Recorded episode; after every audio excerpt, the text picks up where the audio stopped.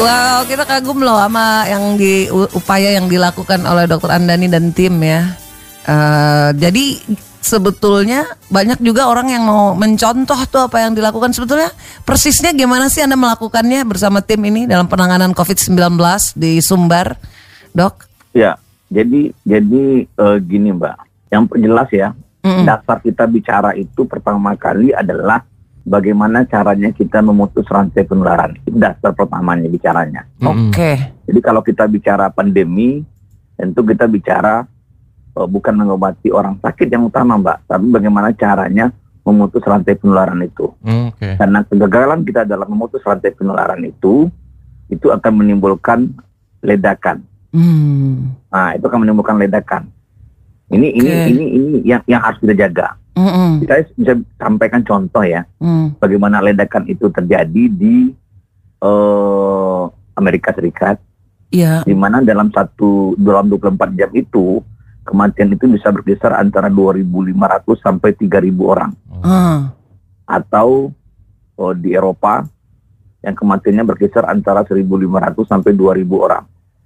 Nah, kenapa itu terjadi? Iya. karena mereka gagal mengontrol silent spider itu mbak. Hmm. Jadi orang-orang tanpa gejala yang positif COVID Iya iya iya. ya. Dari awalnya itu ya dari pertama. awalnya itu. Hmm. Jadi kita begitu ada satu kasus positif, jadi teman-teman saya waktu itu di di mana-mana juga heran, Hmm. kenapa Sumatera Barat itu banyak memeriksa orang tanpa gejala, Heeh. ya kan? Jadi dari satu kasus positif itu kita lakukan pemeriksaan masif terhadap semua orang yang kontak dengan pasien. Itu dengan. PCR, Mm-mm, mm-mm, sehingga banyak ketemu. Hmm. Jadi bisa contoh ya satu satu area positif itu bisa saya periksa sampai 400 500 orang Wow. dan sehingga sampai saya ketemu 20 positif di situ. Oke. Nah, contoh lagi kasus di Pasaraya itu kan agak besar tuh kasusnya. Hmm. Itu untuk Pasaraya itu kita periksa sampai 6.000 orang, Hmm. Wow. 6.000 orang Dites, dites. semua ya, dites. Hmm. semua di PCR.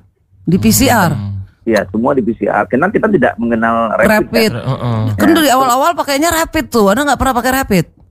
Enggak. Jadi dari awal Oh. tanggal 20 Maret Bu Dinas Kepala Dinas Kesehatan tanya saya Heeh. bagaimana pandangan dokter mengenai rapid test. Hmm. Jadi karena saya di mikrobiologi, virologi, Iya. dan saya banyak bergerak dalam pengembangan rapid test, Iya. saya katakan begini, kita tidak merekomendasikan penggunaan rapid test pada saat ini dengan pertimbangan, ya kan? Hmm. Pertama, WHO sama sekali tidak men- me- me- merekomendasikan rapid test. Hmm. Yang kedua, itu WHO ada di situs WHO, sudah dilihat. Iya. Yang kedua, Memang. tidak tidak jelas, tidak ada data independen yang menjelaskan nilai diagnostik daripada rapid test itu, Hmm. sensitivitas dan spesifitasnya. Hmm. Kemudian baru di kemudian hari saya menemukan beberapa data bahwa nilai diagnostik rapid test itu tidak optimal. Oke. Hmm. Tapi kalau nilai nilai nilai diagnostiknya bagus, bisa saja kita pertimbangkan. Oke, Nah, jadi itu- sejak awal Anda memang sudah paham ya, jadi nggak pernah rapid test ya di Sumatera Barat ya? ya, betul. wow. Yang ketiga juga rapid Hmm. test itu tidak akan pernah bisa bagus untuk deteksi antibodi ya. Iya. Rapid test itu kan ada dua, ada deteksi antibodi, ada deteksi antigen. Ah. Nah untuk deteksi antibodi itu hari seminggu pertama itu tidak akan pernah bagus. Oh gitu. Tidak akan pernah bagus. Kenapa? Karena deteksi antibodi itu didasarkan kepada antibodi yang terbentuk. Mm, mm, mm, mm. Dan tujuh hari pertama atau seminggu pertama antibodi itu belum optimal terbentuk. Hmm. Jadi kan wazira. Jadi kalau pasien itu diperiksa Iya, yang pertama akan negatif, non reaktif gitu kalau rapid non kan. reaktif. Hmm, tapi nggak berguna itu ya. Hmm. Nah itu Nah, berarti dari yang dilakukan itu hasilnya luar biasa ya Provinsi Sumatera Barat peringkatnya terendah untuk persentase eh, persentase positivity rate COVID-19-nya gitu. Rupanya itu yang Ya. Anda lakukan. Dan Jadi gini, hasilnya Mbak. keluarnya cepat itu ya dok ya? Ya, jadi gini, kalau misalnya Mbak datang ke lab kita, Heeh. kemudian Mbak serahkan eh, apa namanya itu, eh, Mbak serahkan Heeh. eh, apa namanya itu hasilnya pagi, eh, spesimennya pagi, Mm-mm. itu jam 12 jam 1 selesai Mbak. Oh, Kok bisa? Kemarin saya tuh dites ya. tiga hari ya? Tiga hari udah bisa empat hari malah. Nah mungkin masalahnya gini Mbak, jadi kapasitas satu lab itu menentukan. Kapasitas Oh. lab, oke. Iyalah, kalau misalnya kapasitas kita misalnya nih ya, saya kapasitas saya 2.500 sehari misalnya. Mm-mm. Kapasitas lab kita sekarang sekitar 2.500 sampai 3.000 sehari Mbak. Wow. Banyak. Nah, kalau misalnya Hmm. sampel saya masuk 5000 sehari, Mm-mm. tentu tidak akan selesai 24 jam, Mbak.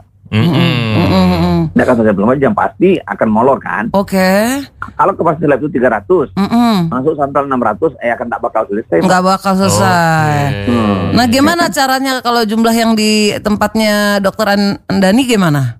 Jumlahnya? Karena karena kapasitas kita besar, kita itu setelah kita simulasi, kita hari ini hari hari kemarin kita periksa sampel 2360. Hmm. Wow. Kita periksa Mbak, per hari, satu hari. Langsung hasilnya ketahuan hari itu juga. Besoknya, hari hari ini ketua, ketua hasilnya. Ha- Hari ini ketemu hasilnya, eh, hari ini dimasuk spesimen, besok hasilnya kelihatan. Ya, betul. Hmm. Nah, itu itu gimana bisa seperti itu, Pak? Sementara daerah lain tidak. Pertama, kita kapasitas tim kita kuat. Terus terang saya katakan kita kuat.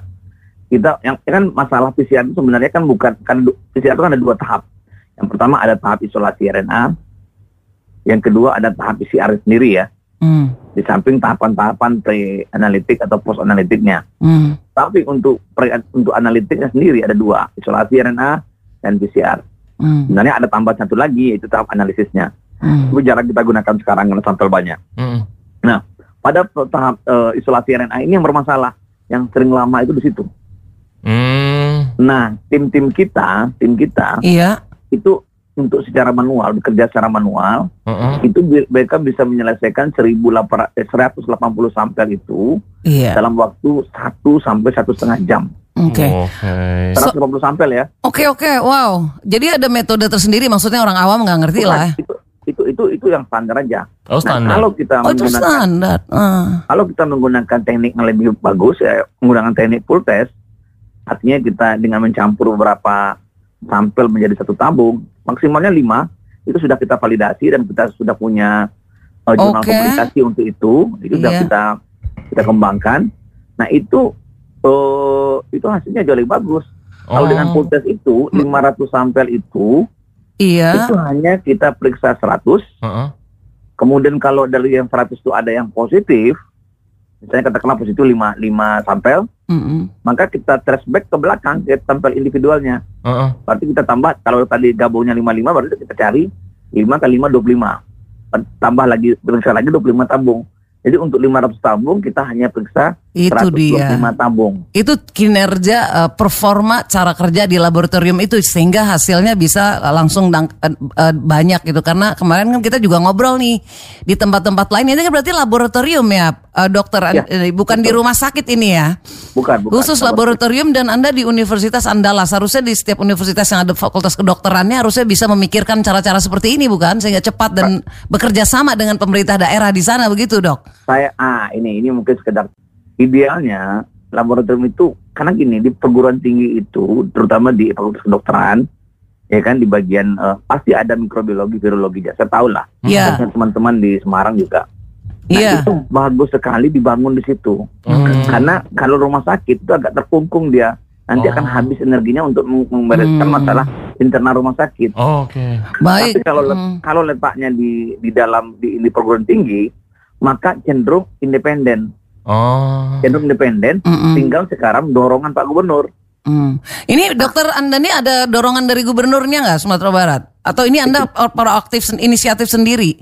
jadi gini Mbak kita ini di Sumatera Barat ini berhasil itu bukan hanya karena labor saja Hmm. tapi berhasil itu adalah kita punya sistem Hmm. mungkin Mbak tidak percaya ya Heeh. bahwa kita bangun sistem internal kita bangun sistem eksternal sistem eksternal itu adalah koordinasi antara laboratorium dengan dinas kesehatan untuk melakukan tracing Hmm. Provinsi. Hmm. dinas kesehatan kabupaten kota Oh kota Padang. Hmm. Iya, kota bukan hanya Padang, semua kabupaten kota. Oh semua kabupaten kota dinas kesehatannya ber. Iya. Oke. Ah, Hmm. dan dan kita dari lab punya koneksi yang sangat bagus dengan semua kepala dinas atau dengan semua bupati wali kota di Sumatera Barat. Di provinsi Sumatera Barat. Ya, jadi Hmm. jadi kita sampaikan begitu ada kasus positif di misalnya di Padang Panjang. Hmm. Saya telepon misalnya kepala dinasnya, Pak, tolong dilakukan tracing sebanyak-banyaknya, terserah Bapak lah. Hmm. Pokoknya kita terima berapapun Pak kirim. Hmm. Dan begitu ada positif, Sam. Hmm. sebelum ada pengumuman resmi, kita sampaikan ke dia, ke mereka. Oke. Jadi jadi ah, itu itu kan di situ posisinya. Yang berikutnya lagi adalah di atas itu semua Iya. di atas itu semua ada Pak Gubernur, Hmm. Jadi ada Pak Gubernur sebagai eh, sebagai kepala pemerintahan provinsi. Baik. Nah itu di bawah koordinasi beliau. Nah, ap- Dokter Andani, ini maksud saya, apakah eh, ini kan pola atau sistem seperti ini kan harusnya menjadi contoh untuk eh, eh, provinsi lain gitu. Pernah nggak ada yang belajar ke sini atau pemerintah pusat mungkin akan mempelajarinya gitu atau gimana? Atau kabupaten Ada. provinsi lain? Ada. Hmm. Ada ada ada beberapa provinsi yang, Mhm. yang diskusi dengan kita. Oke. Ada beberapa labor yang diskusi dengan kita. Iya, Saya dengan terbuka menjelaskan semua konsep itu. baik. Jadi kalau saya bilang tadi kayak full test, kan banyak juga debat-debat muncul di tempat-tempat lain gitu ya. Iya, betul. Saya sampaikan, saya sampaikan di forum ilmiah dengan teman-teman di Iya. ITB, ya. Mhm. Saya sampaikan juga dengan teman-teman di Trokmed OGM, dapat saya sampaikan juga. Iya. Intinya kalau misalnya ada perdebatan, silahkan diskusikan dengan saya. Mari kita Oke. berdebat. Hmm. Jangan berdebat di belakang saya. Mm-mm. Yes. Nah, nggak bagus tuh. Baik, sementara, baik. sementara mereka kita sedikit terus, saya bilang. Hmm. Keren banget nih dokter Andani nih harusnya dicontoh baik kita akan lihat ya ke depannya seperti apa nanti kita ajak ngobrol lagi. Makasih banyak loh dok. Makasih. Oke, siap, Sukses Mbak. selalu Siap. ya. Yo, Mbak, Oke. sama. Dokter Andani Eka Putra, Kepala Pusat Laboratorium Universitas Andalas Padang, Sumatera Barat.